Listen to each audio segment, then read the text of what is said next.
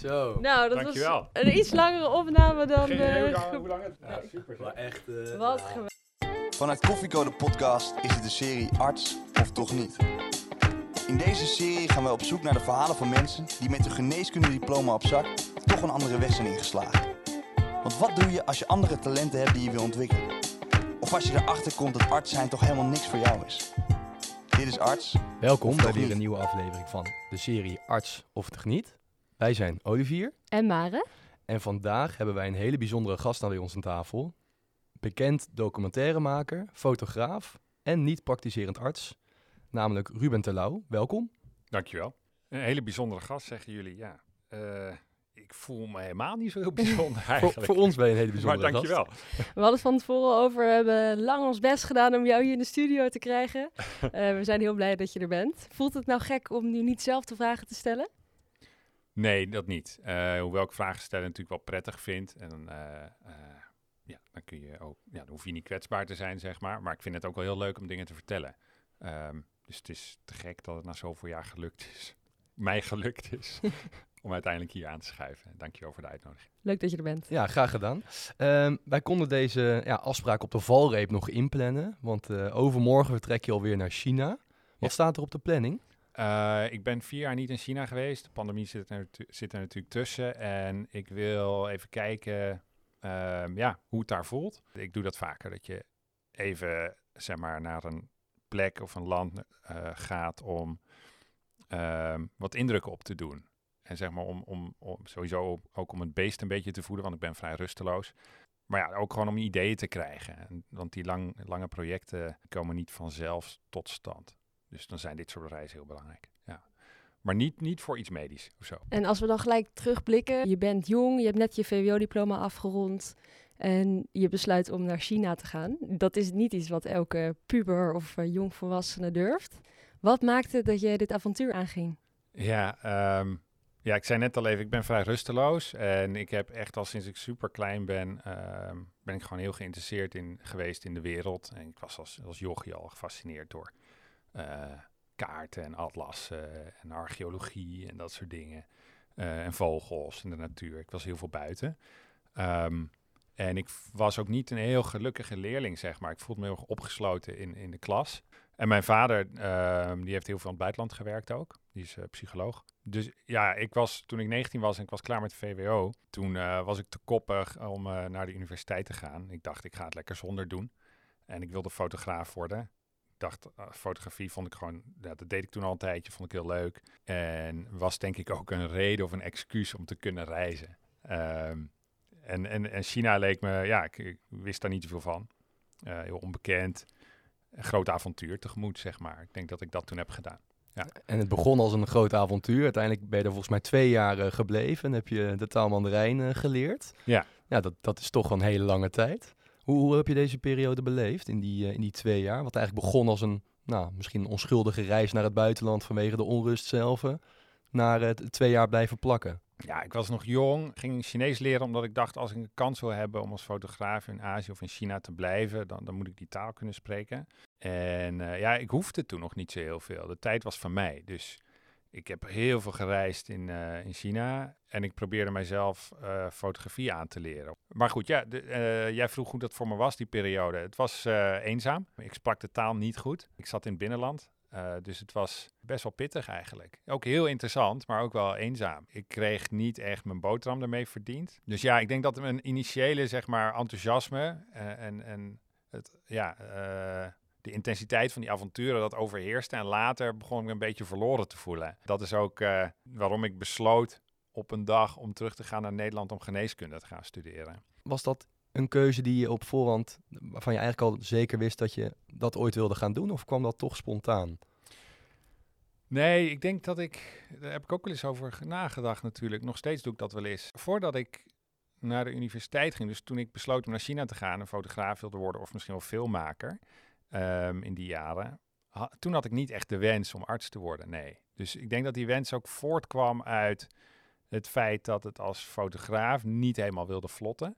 En ook door wat ik heb gezien tijdens mijn reizen. Want, want in de gebieden waar ik was, daar eh, was, zag je gewoon echt heel veel armoede, heel veel ongelijkheid. Eigenlijk wel afwezigheid van zorg. En ik denk dat die menselijkheid die ik in mijn werk nu nog steeds, maar toen ook als fotograaf zocht wel, dus die focus op mensen, dat dat ook wel in geneeskunde zit. Dat je, ja, wat ik net zeg eigenlijk, dat je iets voor, voor anderen wil doen, voor, de, voor, de, ja, voor mensen. Dat je iets wil betekenen voor het leven van anderen, zeg maar. En, en ja, ik leg dat nu vast in mijn werk en toen als fotograaf.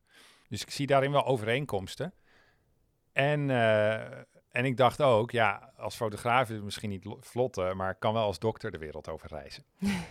De- dus, Die reisplannen die zaten wel eh, in het achterhoofd. ja, zeker wel. Ik vind, het ook, wel- ik vind het ook wel grappig dat je het zegt. Dat je, dat je zei van, dat het als fotograaf niet echt wilde, ja, wilde vlotten. Maar toen je na een jaar in Amsterdam geneeskunde had gesteerd, ben je wel weer teruggegaan. En ben je weer, nou ja, niet teruggegaan, maar weer op reis gegaan om als fotograaf werkzaam te zijn in verschillende landen. Ja, en uiteindelijk heb je daarmee ook verschillende prijzen gewonnen. ja. Je deed wel degelijk iets goed binnen de fotografie. Ja, maar dat, ja, klopt. Ja, jij hebt je goed ingelezen. Dat, dat, dat wist ik toen nog niet. Maar klopt, het eerste jaar van mijn studie, toen heb ik gewoon echt keihard gestudeerd. Gewoon zoals ik Mandarijn studeerde daarvoor, zeg maar. Gewoon hele dagen, heel veel in de boeken gezeten. En na dat eerste jaar, toen waren mijn cijfers goed. Toen merkte ik van, oh, ik heb dit goed onder de knie, weet je wel. Dus toen ehm, zei ik tegen mezelf, ik kan, ik, kan wel, ik kan mezelf weer wat ruimte gunnen. Ehm, toen ben ik inderdaad teruggegaan naar China met de camera. En vanaf dat, ja, de 2007 was dat. Toen ben ik weer toch vrij intensief weer verder gegaan met reizen. Dat heb ik door mijn hele studie heen gedaan. Dus dat ik eh, elke zomer, eh, soms ook in de winter, dat ik lange reizen maakte. En verder ging met fotografie.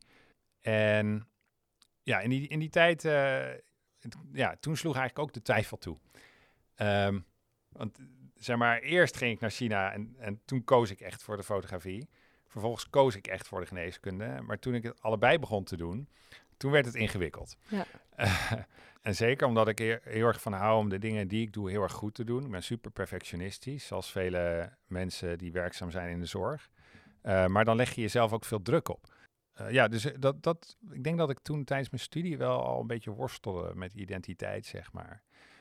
Maar de, de, de belofte om misschien op een dag als dokter ook in conflictgebieden te werken, in de derde wereld te werken, dat motiveerde mij nog steeds wel. Had je nou het gevoel dat je je eigen identiteit in het buitenland, misschien ook in dat soort gebieden, wat meer zou kunnen vinden? Ja, het is natuurlijk prettig als je naar, naar een ver buitenland gaat. ehm, dat je door eigenlijk niets in je omgeving meer gedefinieerd wordt. Dus ik denk dat het voor ons. ehm, ja, wij zitten in onze sociale structuur in Nederland. eh, je zit in een bepaalde maatschappij die toch verwachtingen aan je oplegt. En al helemaal in het ziekenhuis, waar natuurlijk heel veel rollen zijn, vrij vastgelegde rollen en een duidelijke hiërarchie. Dat is denk ik ook ook nuttig. Dat is goed. Eh, je moet de patiëntenzorg natuurlijk go- goed bewaken. De kwaliteit ervan. Maar, zeg maar ja, als je in je twintig ben je ook je identiteit aan het vormen. Van wat is, wel- welke plek ga je aan, aannemen in de maatschappij? En waar sta je voor en waarom? Ehm, dus je spiegelt je denk ik aan, aan, aan al die, ja, aan je omgeving. En dat deed ik ook in het ziekenhuis natuurlijk. Ja, dus ik, ik vond dat wel, eh, ik vond het heel ingewikkeld, ja. Dus eh, ik, ik heb ook een, een tweede naam, Joachim is dat, dus Ruben Joachim. Dus ik gebruikte Ruben Joachim Terlouw als, als zeg maar de naam voor de fotograaf. En Ruben Terlouw, de, de, degene die is geneeskunde studeerde. Dus ik probeerde dat soort kunstmatig uit elkaar te houden.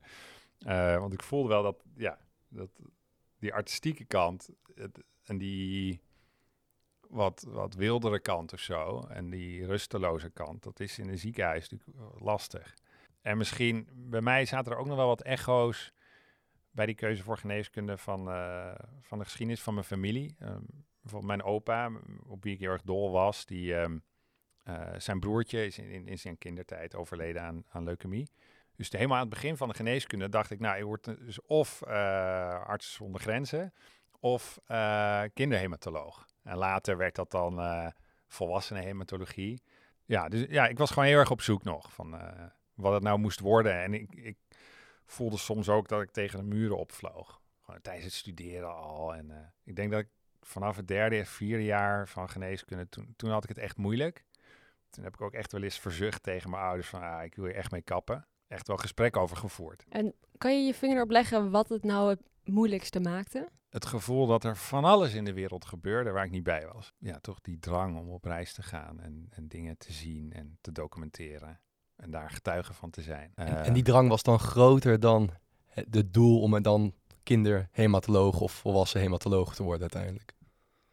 Ja, dat is interessant hoe, je dat formuleert ook. Want dat is misschien wel, maar dan ga ik iets vooruit. Maar toen ik echt begreep dat ik wilde stoppen, en toen was ik al klaar met, met mijn studie en toen was ik eh, promotieonderzoek aan het doen in het AMC. Toen was zeg maar de reden van, oh ja, ik ben telkens voor de toekomst aan het werken.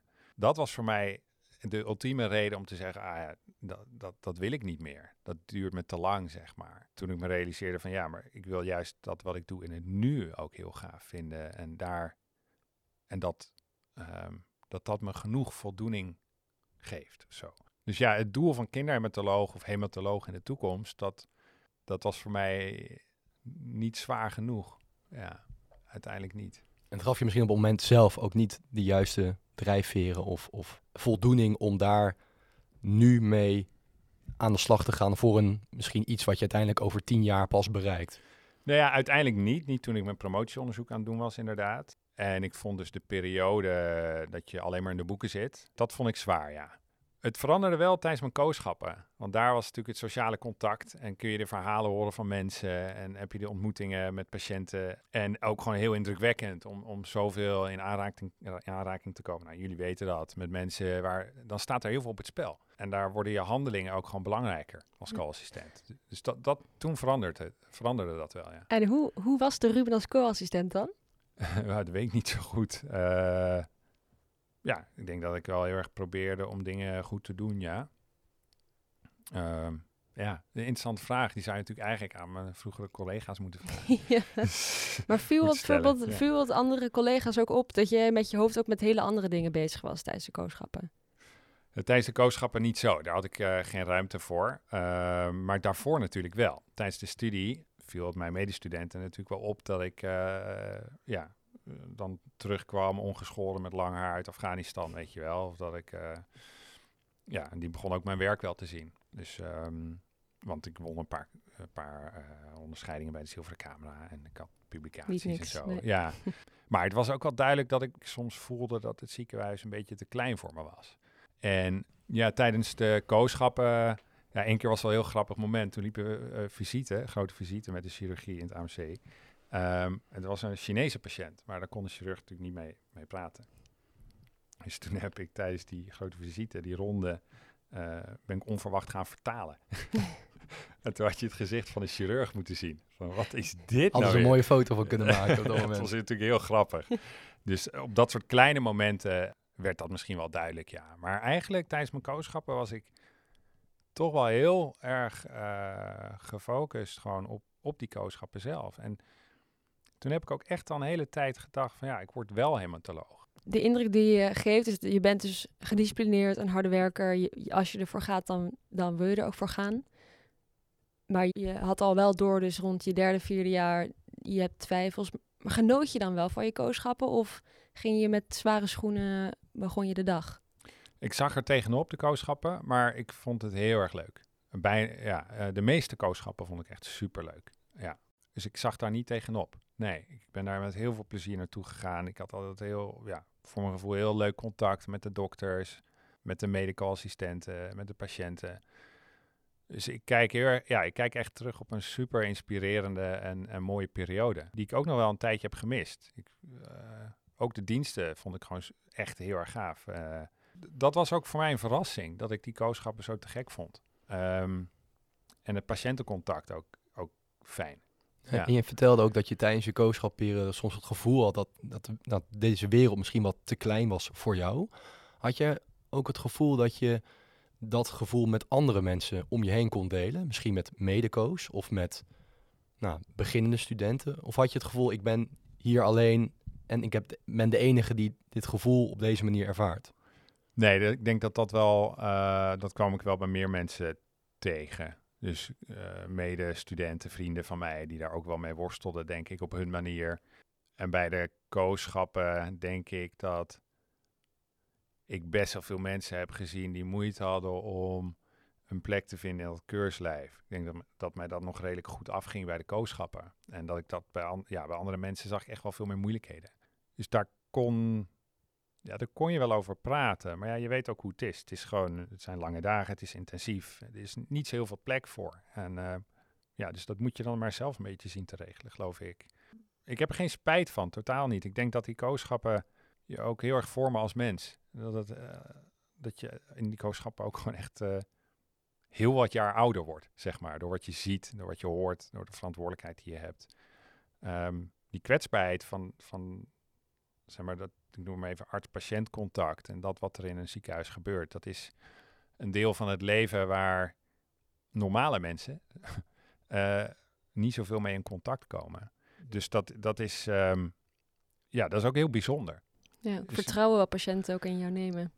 Ja, het, het, vertrouwen dat je, dat je inderdaad moet honoreren of dat je moet opbouwen. En ook gewoon hoe bijzonder het is dat je bij heel veel momenten mag zijn waarin patiënten zo kwetsbaar zijn. En dat je daarin een integer moet, moet, moet blijven. Dat is, ja, dat is niet niks, denk ik. Als ik zou zeggen dat jij misschien die, dat gevoel die je ervaarde tijdens het vervolgen van die kooschappen nodig had om uiteindelijk op de plek te zijn waar jij nu bent. Zou dat dan kloppen? Had je die ervaring nodig van ik voel me wel op mijn plek, ik vind het heel leerzaam, maar uiteindelijk heb ik toch misschien het onderbuiksgevoel dat ik toch wat anders wil? Is dat dan ook juist goed geweest dat je misschien wel die studie geneeskunde gedaan hebt, kooschappen gelopen hebt, om uiteindelijk nou, als documentairemaker en fotograaf werkzaam te zijn? Ja, zeer zeker. Um, ik was uh, in die jaren ook nog helemaal niet toe aan, denk ik, gewoon persoonlijk niet, in mijn ontwikkeling niet aan dat ik op een hele authentieke manier mij kon presenteren. Zeggen van dit is waar ik voor sta, dit is mijn keus, dit is mijn weg.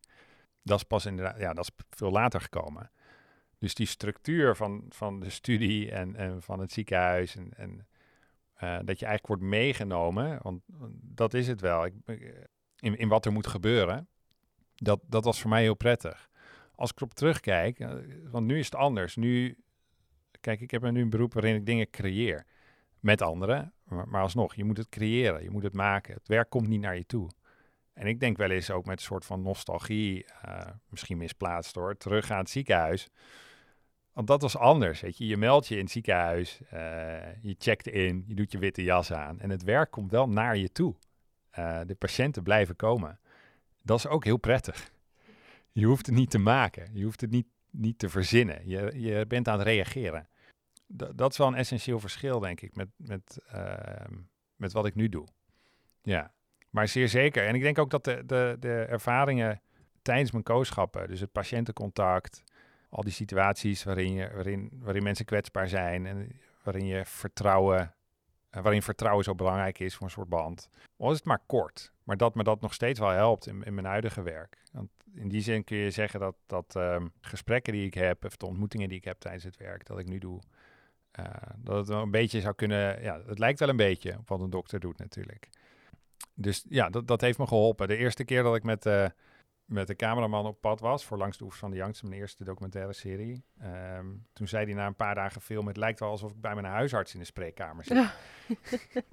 en waarom zei hij dat? Um, nou, omdat, omdat dan ging ik zachter praten en dan ontstond er een, een, heel persoonlijk gesprek, weet je wel. En dan... Toch weer terug in je oude rol als, uh, als arts. Ja, nou misschien wel, ja. Er zijn overeenkomsten, zeg maar. Als we dan nog maar even hebben, je hebt je kooschappen afgerond, je wordt arts. Je bent nog steeds van plan om hematoloog te worden op dat moment. Ja, klopt, ja. En toen ging ik promotieonderzoek doen.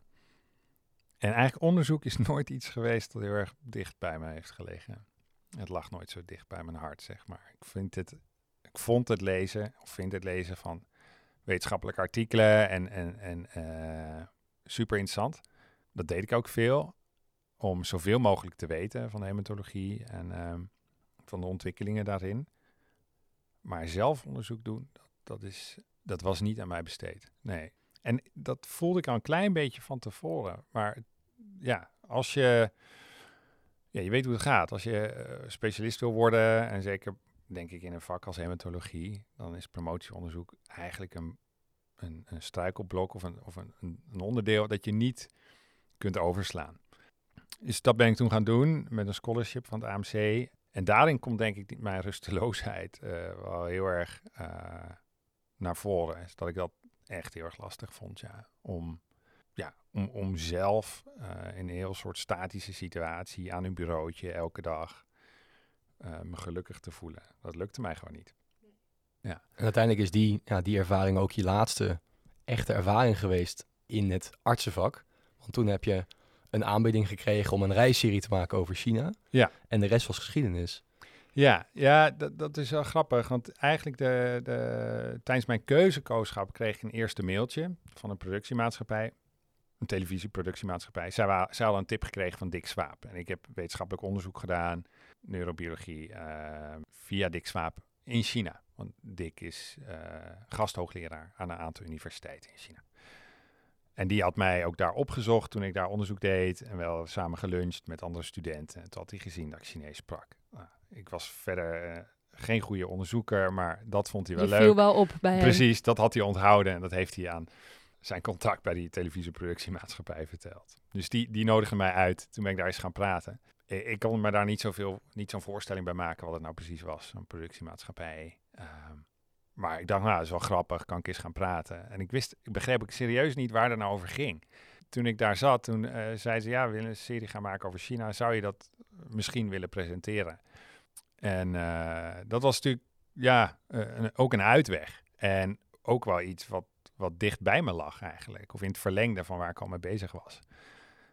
Maar dat heeft nog heel lang geduurd voordat dat door kon gaan. Dus ik heb tijdens mijn eh keuzekooschap ook nog een, een dag vrijgenomen. Toen had ik een eh screentest. Ja, het heeft uiteindelijk iets van anderhalf of twee jaar geduurd voordat bij de NPO alle seinen op groen stonden en we dat konden gaan maken. Ja. Dus dat- ja, dat is toevallig geweest. En als ik terugkijk, kan ik alleen maar zeggen van nou, die twijfel, eh, daar had ik misschien wat minder zorgen over hoeven maken. Maar wel goed dat ik de verschillende kanten die ik, ja, de dingen die, waar ik van hield, dat ik daar zoveel in heb geïnvesteerd in, in het verleden. Dus ik ben wel op reis gegaan. Ik heb wel heel veel geïnvesteerd in die fotografie. Ehm, ook al voelde dat soms heel gek, om dan zowel voor de geneeskunde als die fotografie te gaan. Want stond je promotieonderzoek toen op een laag pitje? Of heb je het toen Nee. al afgesloten? Nee, pas toen, toen er een daadwerkelijk akkoord was en we die serie konden gaan maken, toen heb ik het op een laag pitje gezet.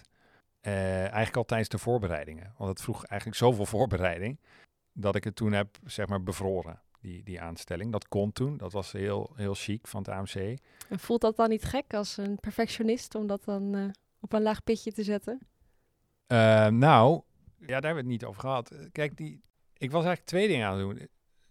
Die mogelijkheid van die serie, dat was ook maar misschien, weet je. Dat was niet zeker. Dus dat duurde heel erg lang. Dat, dat, en op een gegeven moment was er ook een afwijzing en toen kon het ook gewoon niet doorgaan. En in die hele fase was ik wel echt gewoon aan het werk als, als artsonderzoeker. Dus eh, dat was een periode waarin ik echt wel ongelukkig was. En daar lag ik ook wakker van. En dat, is- dat is helemaal geen fijn gevoel om ongelukkig te zijn natuurlijk. En ehm, ja, ik heb me echt heel veel zorgen gemaakt toen. En ik kreeg het ook eigenlijk niet over mijn hart om te zeggen tegen mijn supervisoren en tegen de professor die, mm, ja, die mij vertrouwde en mij die aanstelling had gegeven. En ik had ook nog die scholarship om, om te zeggen van ja, ik ga ermee kappen.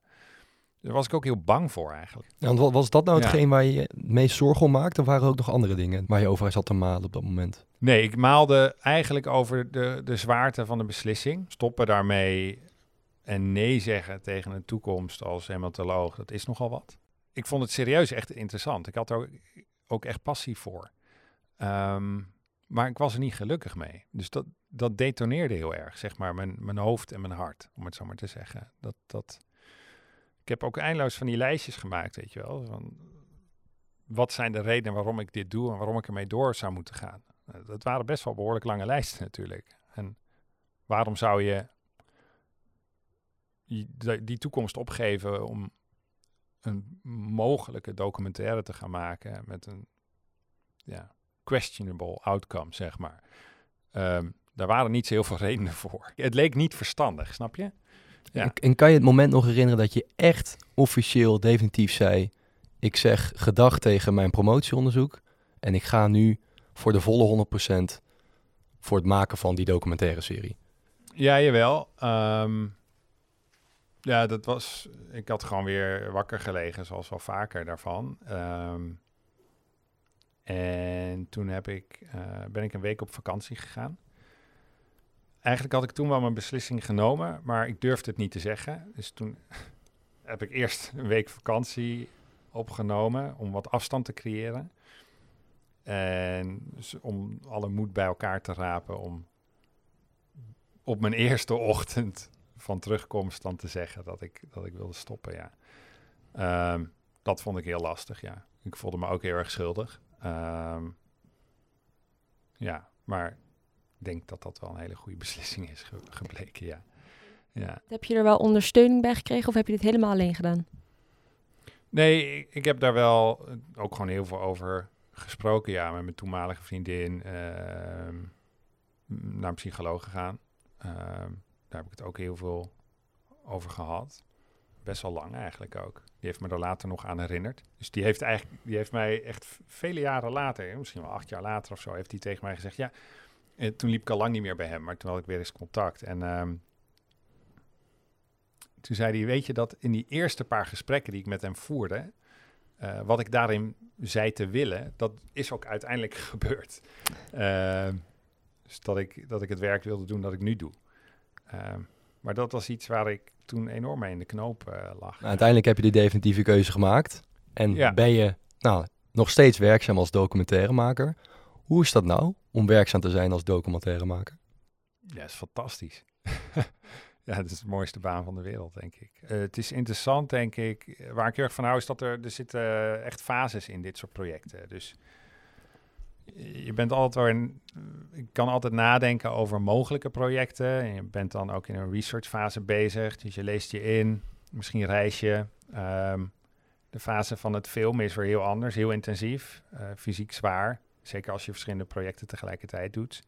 Ehm, en dan heb je de afrondende fase met de montage en zo en, en de promotie. Ehm, dat laatste vind ik eigenlijk het minst leuk.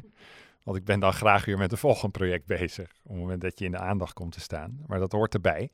Ehm, het, het stelt me in staat om, ehm, om, heel, ja, om te proberen om heel betekenisvolle verhalen te maken. Ehm, en daar en ik geloof ook dat er een ontwikkeling in zit. Dus het is niet een skill die je leert, die je vervolgens uit blijft voeren. Ja, het is heel dynamisch. Ik weet niet of dat of een beetje Ja. begrijpt wat ik zeg. En want elk project is weer een andere. Of je misschien wil je een project op een bepaalde manier doen. Eh, ik heb nu net een serie afgerond over de zorg in de wereld.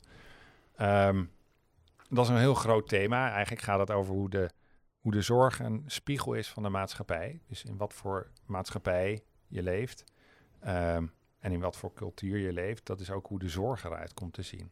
En ook ehm, kun je daarin zien, zeg maar, of je kunt zien mm, de issues of de soort ziektes of de mensen waar de zorgverleners mee te maken hebben. Dat zegt ook heel veel over eh, een maatschappij. Ehm, dus dit is best wel een groot en misschien bijna abstract onderwerp. Maar het gaat uiteindelijk, die serie gaat heel erg over het leven. En het leven op allerlei verschillende plekken. Ehm, en dat is weer voor mijn gevoel echt een niveau dieper eh, of verder dan ehm, een reis langs een rivier in China. Wat natuurlijk ook allemaal facetten en aspecten heeft. Ehm, maar, maar dit is een project dat al heel veel vroeg. En ik vond het ook heel gaaf, want het stelde mij in staat om eh, de cirkel een beetje rond te maken. Want het gaat natuurlijk over, over de gezondheidszorg. En ik heb het gevoel dat ik dat deel uit mijn verleden nu ook een plek heb kunnen geven in mijn huidige leven. Dus dat ik hiermee weer een stukje authentieker ben geworden. Of meer een persoon uit één stuk in plaats van losse fragmenten. Het leven als documentairemaker ehm, of televisiemaker is heel dynamisch, heel afwisselend, eh, creatief en fysiek ook soms echt super zwaar. Ehm, en soms mentaal ook wel een beetje pittig. Ehm, eh, afgelopen jaar was ik in eh, echt in heel veel verschillende landen en ook conflictgebieden. En ik had superveel maanden achter elkaar gefilmd. En toen was ik wel echt, echt heel erg moe. Ja. Maar goed, ik heb gezien hoe het is om voor hematologen te werken.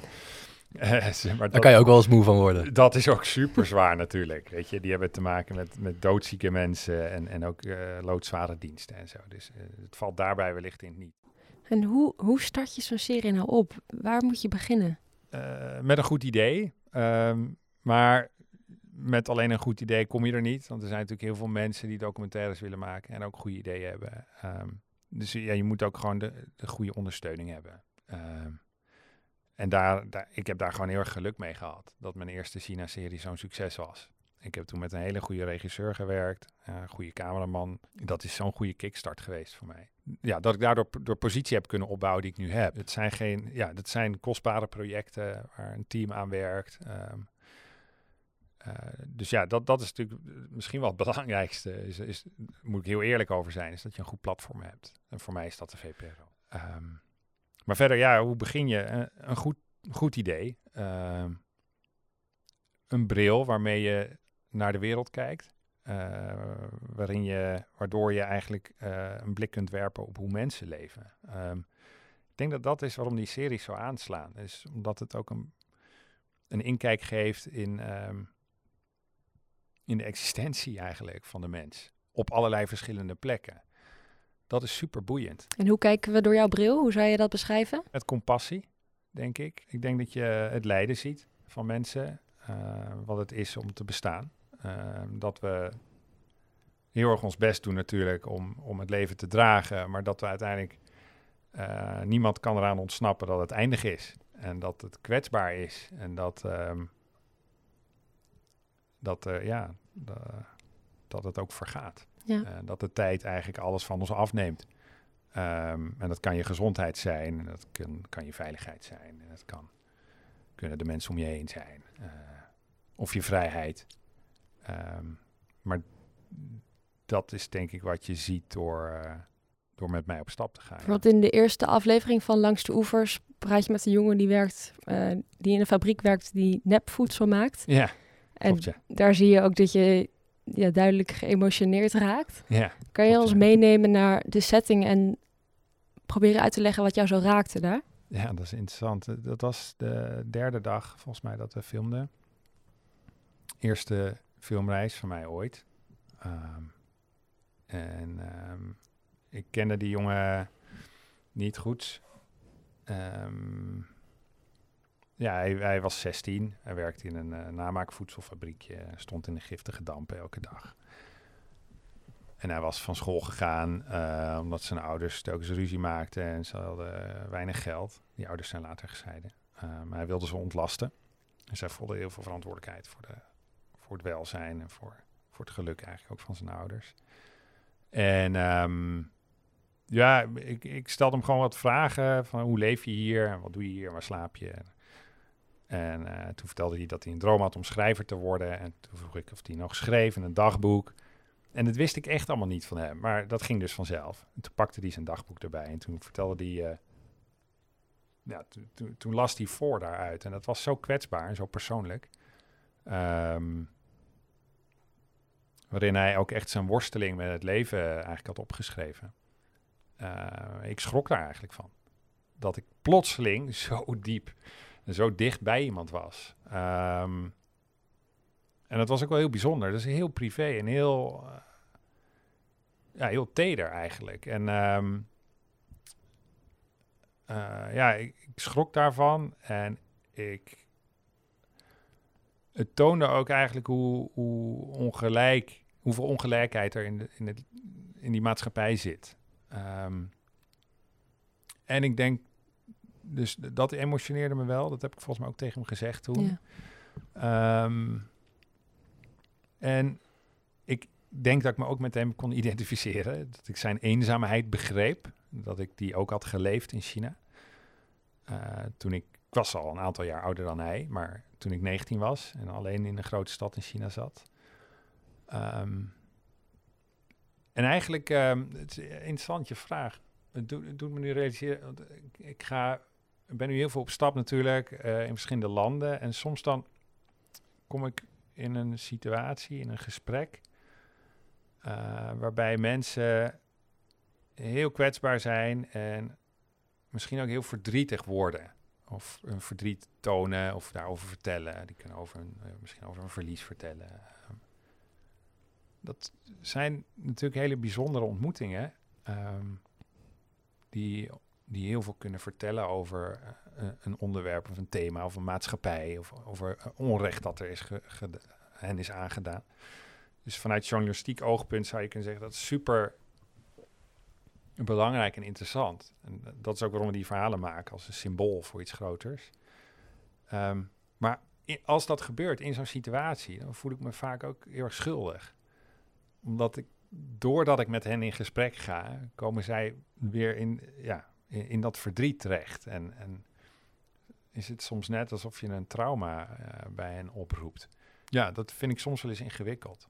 Hoewel zij toestemming geven hoor. Ja. En dat dat allemaal altijd netjes gebeurt en we dat overleggen. En ook of we dat uit mogen zenden. Ehm, maar ja, dat, dat is die, die hele diepe kwetsbaarheid waar je mee te maken hebt. Dat heb je als dokter natuurlijk ook trouwens. Ja, ik vind het heel mooi hoe je dat omschrijft. Want ik kan me voorstellen dat je, wat je zo dicht bij de mensen thuis komt en ook een hele, nou, realistische en oprechte, nou, beeld krijgt van hoe de mensen daar leven en wat ze doen en hoe ze zich voelen. Ook deze jongen die zijn gevoelens in een dagboek schrijft.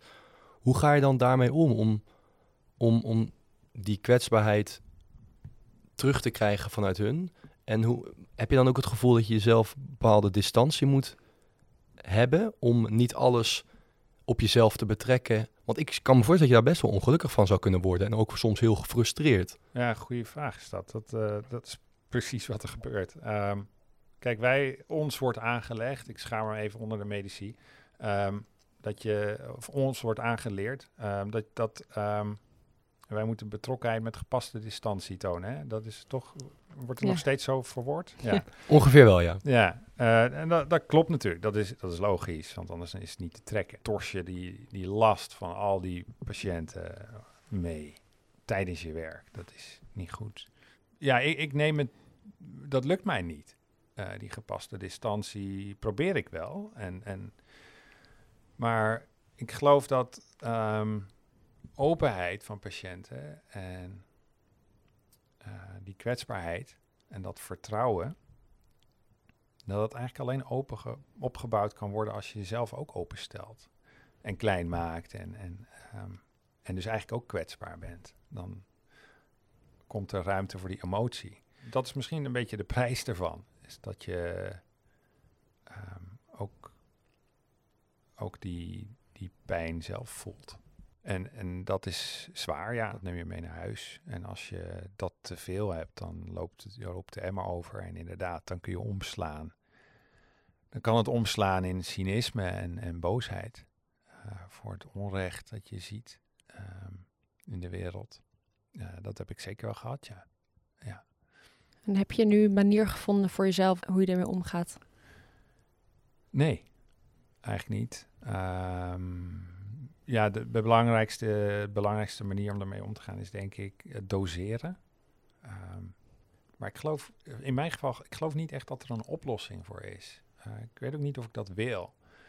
Want het is ook mijn kompas. Dus als ik, zolang ik zelf echt geraakt word ehm, tijdens mijn werk eh, en de verhalen die ik hoor, dan weet ik, dan voel ik dat eh, deze documentaires gemaakt moeten worden. En is dat dan ook de, de- zeg maar het doel of, of ehm, de onderliggende boodschap die je graag aan de kijkers wil laten overbrengen? Is dat dan ook de impact die je graag zou willen? Dat dat gevoel wat het bij jou opwekt, dat dat ook nou, op een of andere manier opgewekt wordt bij de kijker? Dus kijk, voor mij de uitdaging kun je zeggen is, is de pijn bij de ander te laten. Nou, dat, dat lukt mij niet altijd. Maar inderdaad, misschien wel andersom. Dat ik eigenlijk het helemaal niet erg vind als die pijn bij de, bij de kijker terechtkomt. En dat, ze, dat de kijker ehm, zich bekommert om de ander die ik ontmoet. Of de ander in bredere zin, zeg maar. Ehm, de ander op plekken waar niet over geschreven wordt. De ander die slachtoffer is van de ongelijkheid of de vervuiling. Al, al die dingen die rechtgezet zouden moeten worden, ja. Ehm, dus dat klinkt heel activistisch misschien. Maar, maar dat geloof ik wel. En, en dat, ja, nogmaals, daar zit een overeenkomst in met, met de Hippocratische dokter. Is dat je de pijn en het lijden van de ander moet verlichten. Ehm, en die gedachte zit denk ik ook wel in, in, in mijn documentaire werk, ja. Waar ik dan nu ook aan moet denken is bijvoorbeeld de aflevering over de, de Kaasstraat, waar oncologische patiënten in eh, hele goedkope hotels rondom het ziekenhuis eh, wonen en waar ook wordt eh, belicht het grote tekort aan eh, zorgpersoneel en de grote toename van zorgvraag. heb je dan ook niet de behoefte om je witte jas te pakken en te zeggen, ik kom jullie helpen? Ja, jawel. Ehm, dat zijn eigenlijk de moeilijkste eh, situaties. Dus de Kaasstraat, inderdaad, dat was er eentje. Um, het ziekenhuis werd overspoeld door arme kankerpatiënten. Maar dit jaar was ik voor de nieuwe serie in een oncologisch ziekenhuis in India. Ehm, en dat was zo indrukwekkend.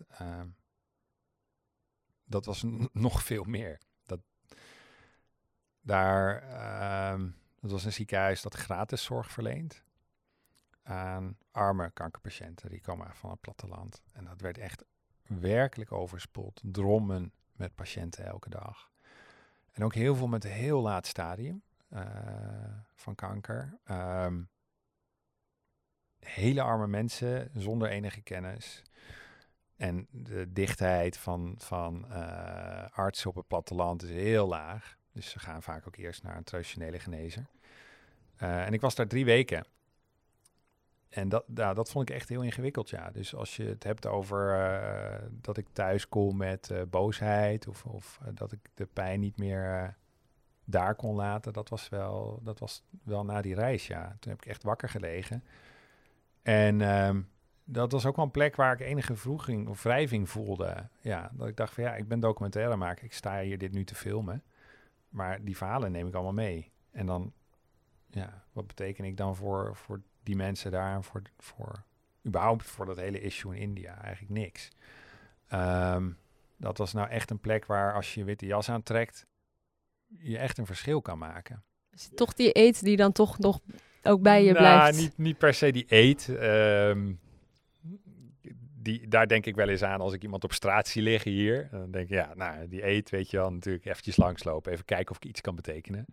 Ook al ben ik niet weer geregistreerd en niet praktiserend. Maar je kunt altijd nog, je kunt nog wat meer dan een leek, zeg maar. Um, nee, ja, maar het is, het is een, om als documentairemaker in zo'n medische setting te staan, waar al die mensen doodziek zijn en er gewoon duidelijk een gebrek is aan artsen. Um, terwijl ik ook, ook die diploma heb gehaald, ja, dat, natuurlijk sta ik daarbij stil. Dan, uh, ja, denk ik wel eens, poeh. Zij zijn de helden, die artsen die daar staan. Ik niet. Ik sta hier een documentaire te maken en jullie te filmen. Ja, precies. Ja, ja weet je, en, en ik zie ook de prijs die zij ervoor betalen. Want het is loodzwaar werk, weet je wel. En, en dat is de prijs die ik... Ik was niet bereid om die te betalen.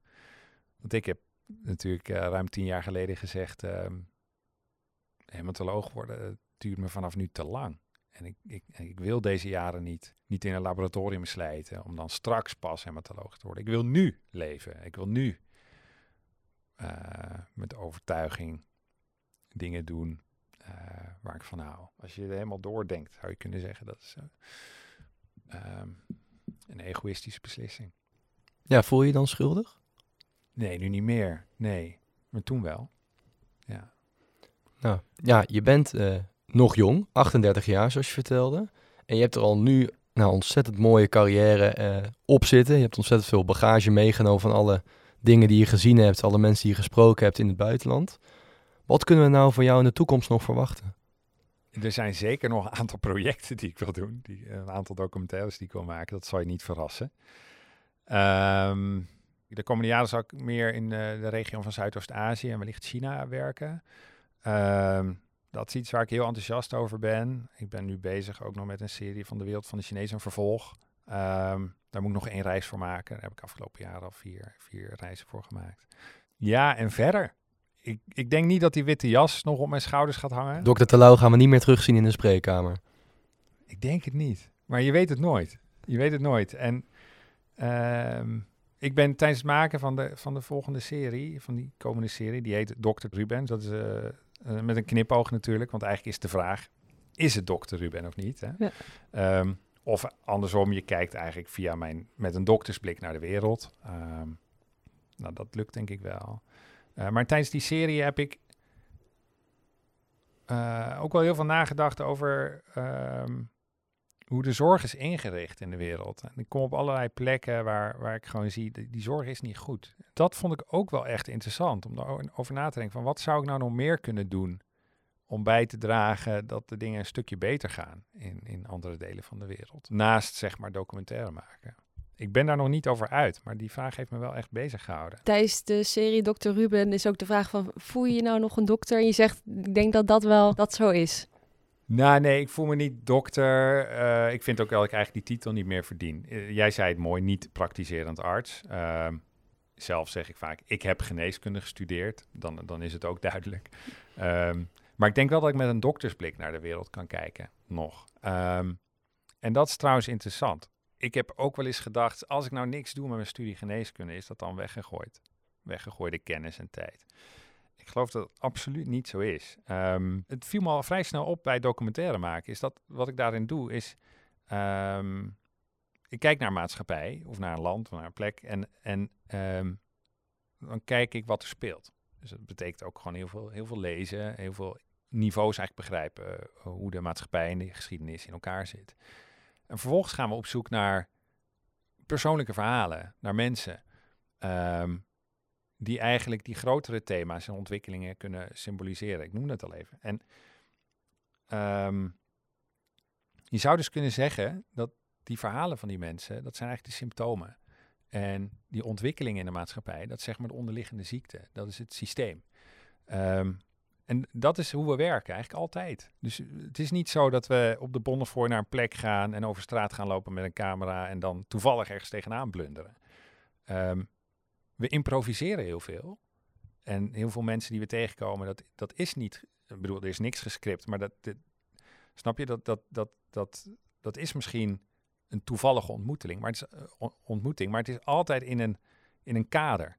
In, um, het valt in een thema waarmee wij op stap gaan, een plan dat we al hebben.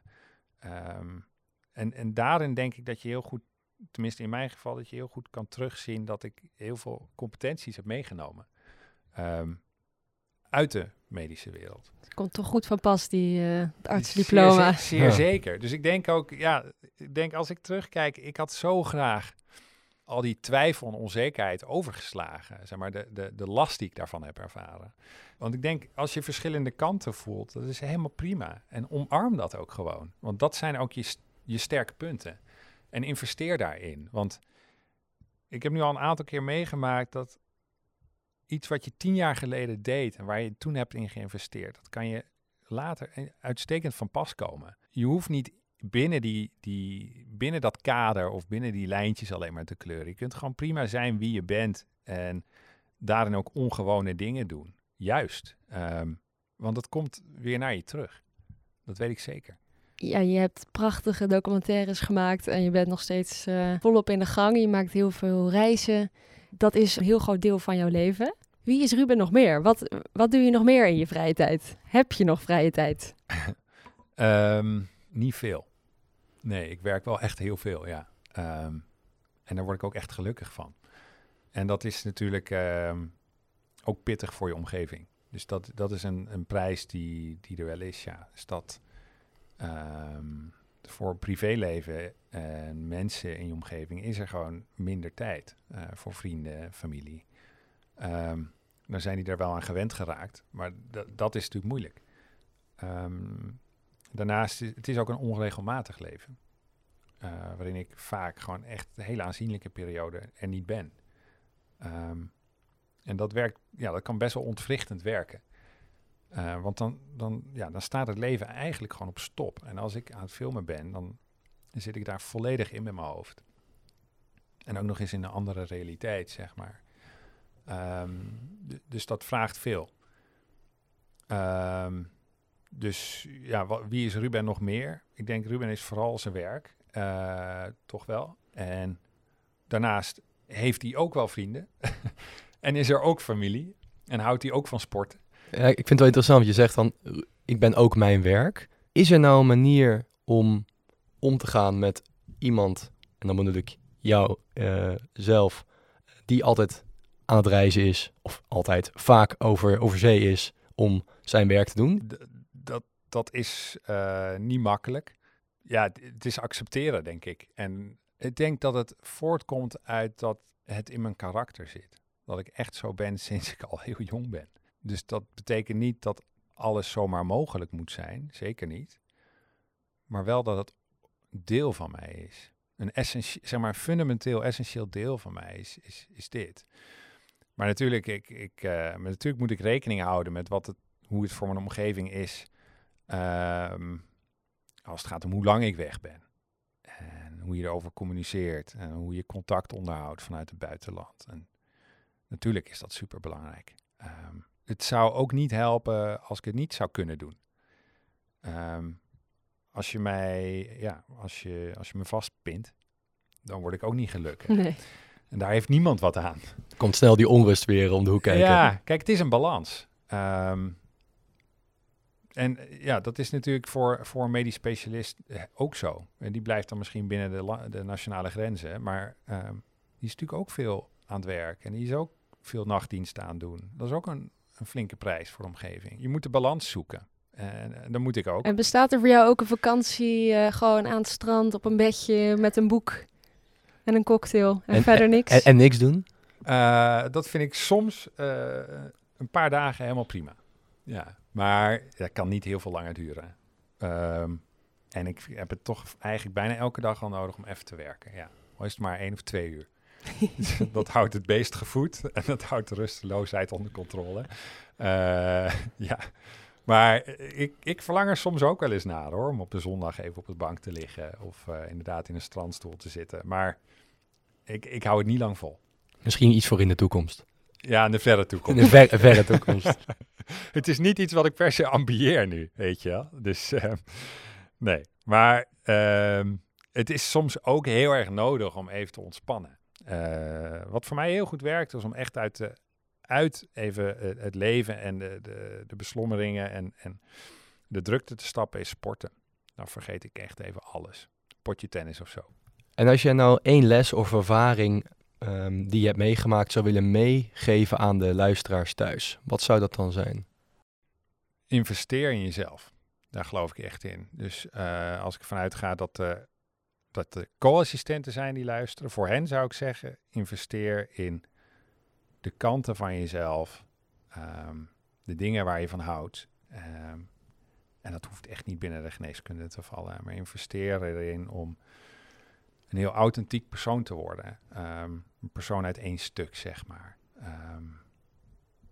met passies uh, voor andere dingen dan geneeskunde. En dat kan je ook in je werk heel erg ver, ver helpen of verder helpen. Um, dus denk, denk ook buiten die grenzen van de ziekenhuismuren. En nog een laatste tip voor de luisteraars die misschien wel documentairemaker of fotograaf willen worden. Wat wil je hun meegeven? Uh, maak verhalen uh, over dingen waar iets op het spel staat. Dat is denk ik wel heel belangrijk, ja. Um, en probeer verhalen te maken um, die echt vanuit het hart komen. Dus als je het gevoel hebt van, nou, ik, heb iets geleefd of ik vind iets met zoveel overtuiging dat het uit mijn poriën komt, um, dan zit je waarschijnlijk uh, goed. Heb je denk ik iets goeds te pakken. En natuurlijk zorg ervoor dat je bij de goede omroep terechtkomt of zo. Dus stap oh, die, naar de oh, VPRO. Ja, ja, oh, zeg, gaat die komen? Ja. ja, stap naar de VPRO. Ruben, ja. dankjewel. Het is echt een eer voor ons dat jij vandaag bij ons uh, te gast wilde zijn met weer een, uh, bij weer een nieuwe aflevering van Arts of Toch Niet. Um, dank voor je inspirerende verhaal en voor je eerlijkheid en openheid over alles wat je hebt meegemaakt en wat je hebt gevoeld. Um, luisteraars, ook jullie bedankt voor het luisteren en graag uh, weer tot de volgende keer bij Koffieko, de podcast. Yes. En jullie bedankt.